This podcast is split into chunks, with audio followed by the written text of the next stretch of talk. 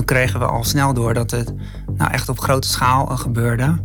En dat er echt veel slachtoffers waren gevallen. En dat het ook wel om hoge bedragen ging die werden buitgemaakt. Het is de zomer van 2021. Op een druk vakantiepark in Groningen zit een ogenschijnlijk onopvallend gezelschap in een van de gezellige bruine blokhutjes. Het is een groep jonge schoolvrienden. Een van de jongens, leerling op het VWO, hangt aan de telefoon. Hij stelt zich voor als helpdeskmedewerker van een bank. En die zei van ja, het is echt belangrijk dat je goed naar me luistert, want je rekening ligt onder uh, gevaar, is onder aanval. En ik ga je helpen om het geld veilig te stellen. Een vakantiebaantje misschien? Nou, de jongen wil er inderdaad geld mee verdienen, maar niet op een legale manier. En dat eigenlijk allemaal steeds met het doel om gewoon geld te verdienen. Veel geld te verdienen. Wie is die jongen? Wie heeft hij aan de telefoon?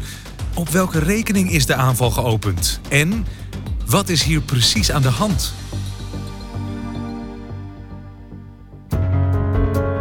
Dit is Het Oordeel van de Officier, een podcast van het Openbaar Ministerie.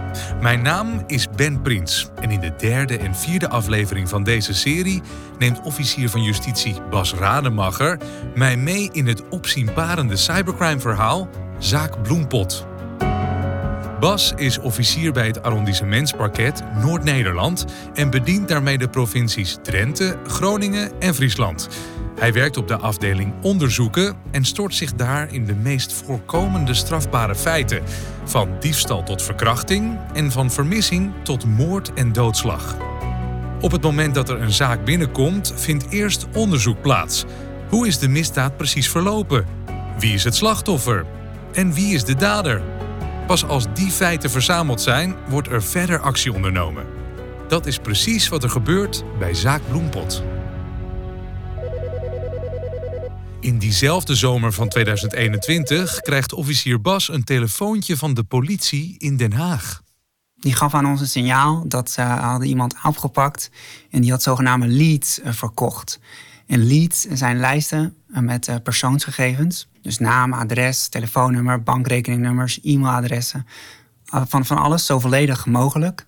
En die kunnen cybercriminelen gebruiken om strafbare feiten mee te krijgen. Dus die leads die zijn geld waard. En iemand in Den Haag had dat verkocht aan iemand in Noord-Nederland.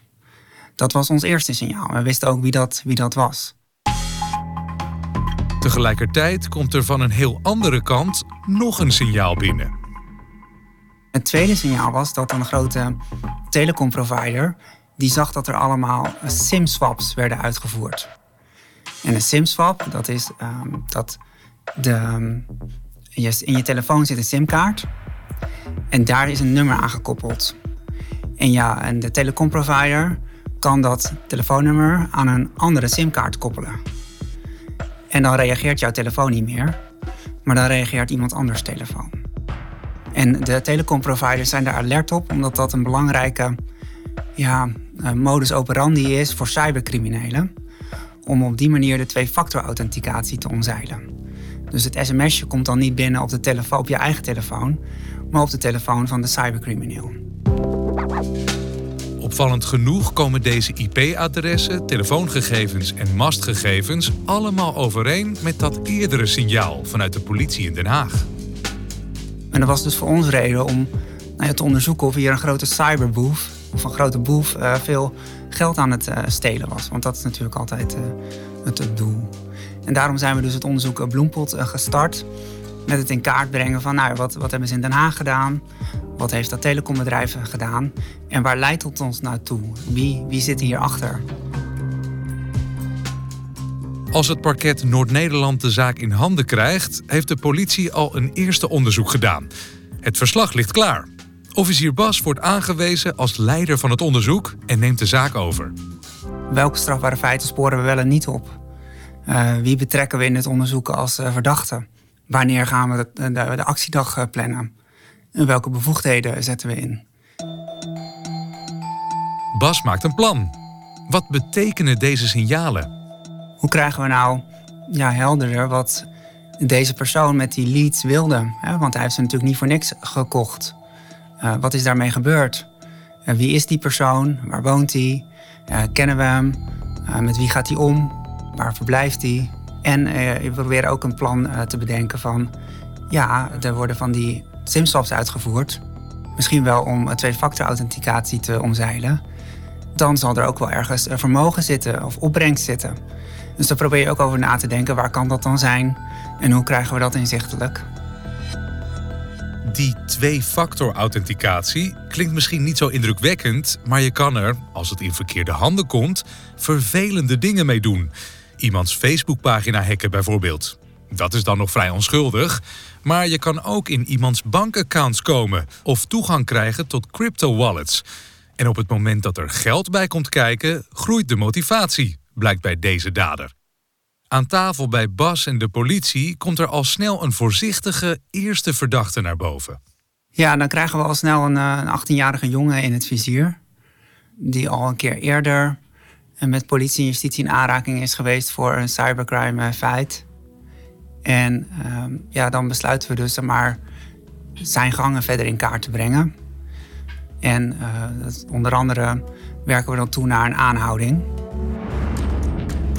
De wens voor een aanhouding is groot bij Bas. Allereerst om de verdachte te kunnen confronteren met de gevonden feiten. Hoe reageert hij daarop? Maar er is nog een belangrijke reden. Eentje die het onderzoek sneller op gang kan krijgen. Bas en de politie willen fysiek bewijsmateriaal. En om dat te krijgen, moeten ze dicht bij de verdachte komen. Ze willen zoeken in zijn woning. Ze willen zijn computer en telefoon bekijken. We willen kijken of we dure spullen kunnen vinden. Er wordt dus ook ehm, een tab aangesloten, uh, zodat we mee kunnen luisteren uh, over de telefoon en de gesprekken die hij voert. Ehm, naar waar, waar die is, waar die naartoe gaat, wat zijn plannen zijn krijg je iets meer inzicht in, in zo'n belevingswereld van zo iemand. Het plaatsen van een tab is een ingrijpend middel. Je komt in iemands persoonlijke communicatie en levenssfeer. Dat mag niet zomaar. De officier die beslist daarover, maar die heeft daar wel toestemming nodig van, van de rechtercommissaris ook. Uh, om dat te kunnen doen. En als je dan dat overweegt, dan, ja, dan maak je natuurlijk een afweging van wat gaat het me opleveren in het onderzoek. En wat is uh, ja, de schending uh, van de privacy voor diegene. En in dit geval heb ik dan afgewogen dat ja, we gaan iemands communicatie meeluisteren. Er zullen ook allemaal niet relevante gesprekken tussen zitten. Maar tegelijkertijd uh, gaat het wel om, wisten we inmiddels, veel, veel feiten, veel aangevers. grote schade, het bleef doorgaan. en op deze manier konden we wel snel inzicht krijgen in waar hij zich zou bevinden en wat hij verder van, van plan was. De tap wordt geplaatst en het onderzoek gaat verder. Ze vinden steeds meer informatie rondom de verdachte. Onder andere zijn nogal opvallende thuissituatie. Nou, het bleek dat deze jongen nog met zijn ouders uh, thuis woonde. En dat er ook uh, een broertje en een zusje woonden. Hij had de leeftijd dat hij naar school eh, zou moeten gaan. Dat eh, hebben we ook gecheckt. Hij was wel ergens ingeschreven, maar hij ging niet naar school. De verklaring van de ouders? Ja, hij zit wel veel achter de computer, maar we begrijpen niet precies wat hij daar doet. De politie begrijpt het wel steeds beter. Op de bankrekeningen van de 18-jarige jongen zien ze het geld van de slachtoffer staan. Dat hij iets duisters doet, is duidelijk. Maar wat doet hij dan precies? Toen we eenmaal met het onderzoeken begonnen, kregen we best wel zicht op ehm, meldingen waarbij mensen dan gebeld werden door een medewerker van de bank. En die zei van ja, het is echt belangrijk dat je goed naar me luistert, want je rekening ligt onder gevaar, is onder aanval. En ik ga je helpen om het geld veilig te stellen. En er zijn eh, een aantal stappen die je moet doorlopen en daar ga ik je bij helpen. De IP-adressen van de zogenaamde medewerkers van een bank zijn allemaal te herleiden tot het IP-adres van de verdachte. Het opsporingsteam spit alles door: de klachten, de aangiftes, de bestaande informatie over de verdachte. En toen kregen we al snel door dat het nou echt op grote schaal eh, gebeurde. Ehm, en dat er echt veel slachtoffers waren gevallen. En dat het ook wel om hoge bedragen ging die werden buitgemaakt. Er zijn inmiddels genoeg feiten verzameld om het beestje bij zijn naam te noemen: bankhelpdeskfraude. als medewerker van een bank iemand opbellen en zeggen: Je rekening is in gevaar. Laat me je helpen en ik zorg ervoor dat het geld op een veilige kluisrekening terechtkomt. Maar ja, in dit geval is die kluisrekening dus eigenlijk de rekening van de verdachte. Sommige mensen hebben dus geld zelf daar naartoe overgemaakt. Anderen heeft hij het voor ze overgemaakt.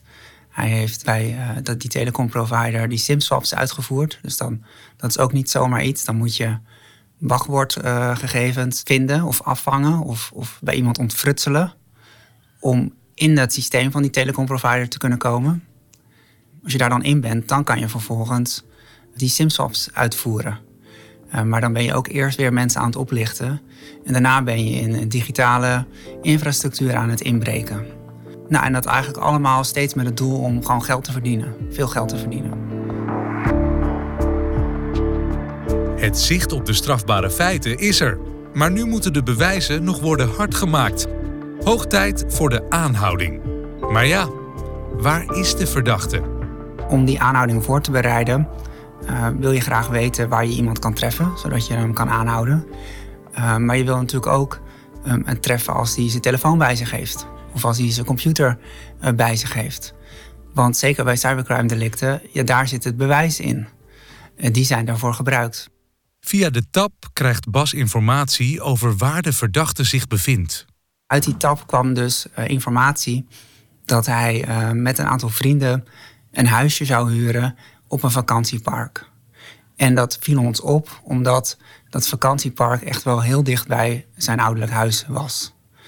Um, dus we hadden niet het idee dat hij daar nou, gewoon de zomervakantie uh, zou vieren.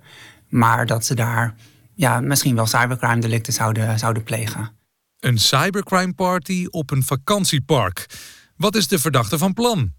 Officier Bas komt voor een lastige beslissing te staan. Meteen aanhouden of op heterdaad betrappen. Uh, en dan heb je wel een ingewikkelde afweging. Want je, je, je, je kunt eigenlijk wel vermoeden dat er nieuwe slachtoffers uh, aan zitten te komen. En we zouden dat dus kunnen voorkomen door in te grijpen en hem eerder aan te houden. Zorgen dat hij niet in dat vakantiepark terechtkomt met die vrienden. Maar aan de andere kant um, ja, wil je eigenlijk ook niet te vroeg aanhouden. En is dit misschien ook een kans om hem op heterdaad aan te houden. En dan neem je wel het risico dat hij slachtoffers maakt.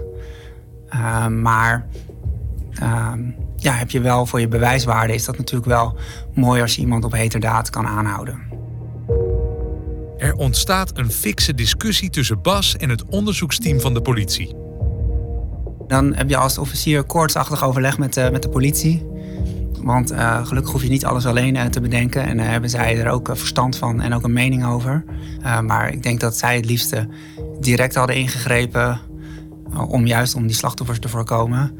En nou, ik was vooral ehm, bezig om zoveel mogelijk bewijs voor mijn strafzaken te verzamelen. Het is wel uiteindelijk dat ik heb gezegd: we gaan het niet doen. We gaan hem niet nu aanhouden. We gaan toewerken naar die heterdaad situatie. En daar speelde voor mij wel mee dat het wel super vervelend is dat hij nieuwe slachtoffers zou maken, vooral voor die mensen. Maar uiteindelijk gaat het wel maar om geld.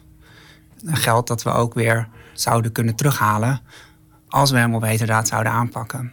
Mijn inschatting was dat als we hem op heterdaad zouden aanhouden, zijn telefoon en laptop in beslag zouden kunnen nemen en die kunnen onderzoeken, dat we voor meer slachtoffers um, geld terug zouden kunnen halen, recht zouden kunnen doen, dan voor de enkele die we zouden kunnen voorkomen in de, in de halve dag of de dag dat we hem uh, later hebben aangehouden. Einde discussie. De beslissing is gemaakt. Ze gaan de verdachte op heterdaad betrappen. Maar hoe pak je dat aan? We wilden dus weer meer zicht krijgen op, op wat, hij, uh, wat hij aan het doen was, zodat we een goed moment uh, konden kiezen. En uh, toen hebben we dus de, de, de, speciale ondersteuning van de politie gevraagd van... joh, kunnen jullie zorgen dat wij mee kunnen luisteren en, en mee kunnen kijken? Dat klinkt makkelijker gezegd dan gedaan. Zowel de uitvoering als de juridische kant van het verhaal brengen uitdagingen met zich mee.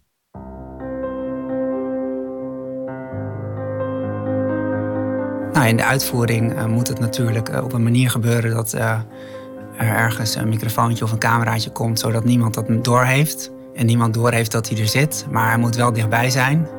Dus, dus nou, dat, daar heeft, uh, Dat regelt de politie. Die zijn daar goed in. En die kunnen dat uh, ja, op, een, op een hele zorgvuldige manier uh, toch goed uh, uitvoeren. En het juridische is er ingewikkeld aan dat dit ook wel weer hele bijzondere bevoegdheden zijn. Die weer diep ingrijpen in de persoonlijke levenssfeer van, van mensen. En als officier moet je dan dus goede afweging maken. Ja, is dit het waard?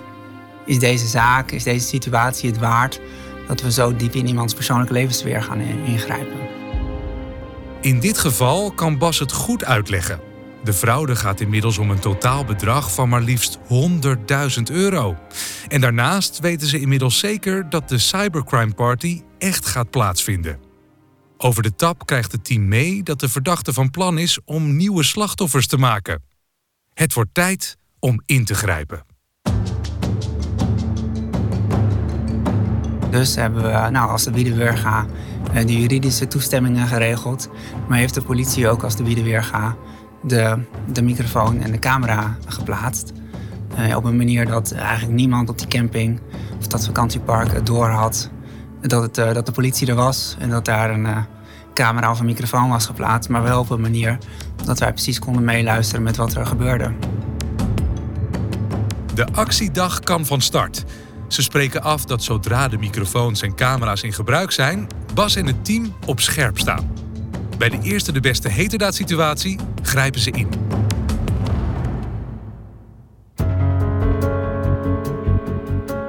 Weet de politie de jongen op heterdaad te betrappen en te pakken te krijgen? Je hoort het in aflevering 4 van Het Oordeel van de Officier, een podcast van het Openbaar Ministerie. De podcast is een productie van Podworks en ik ben Prins. Benieuwd geworden naar het werk van Bas en zou je zelf aan de slag willen als officier van justitie? Ga dan naar werkenbijhetom.nl. Bedankt voor het luisteren en tot de volgende aflevering.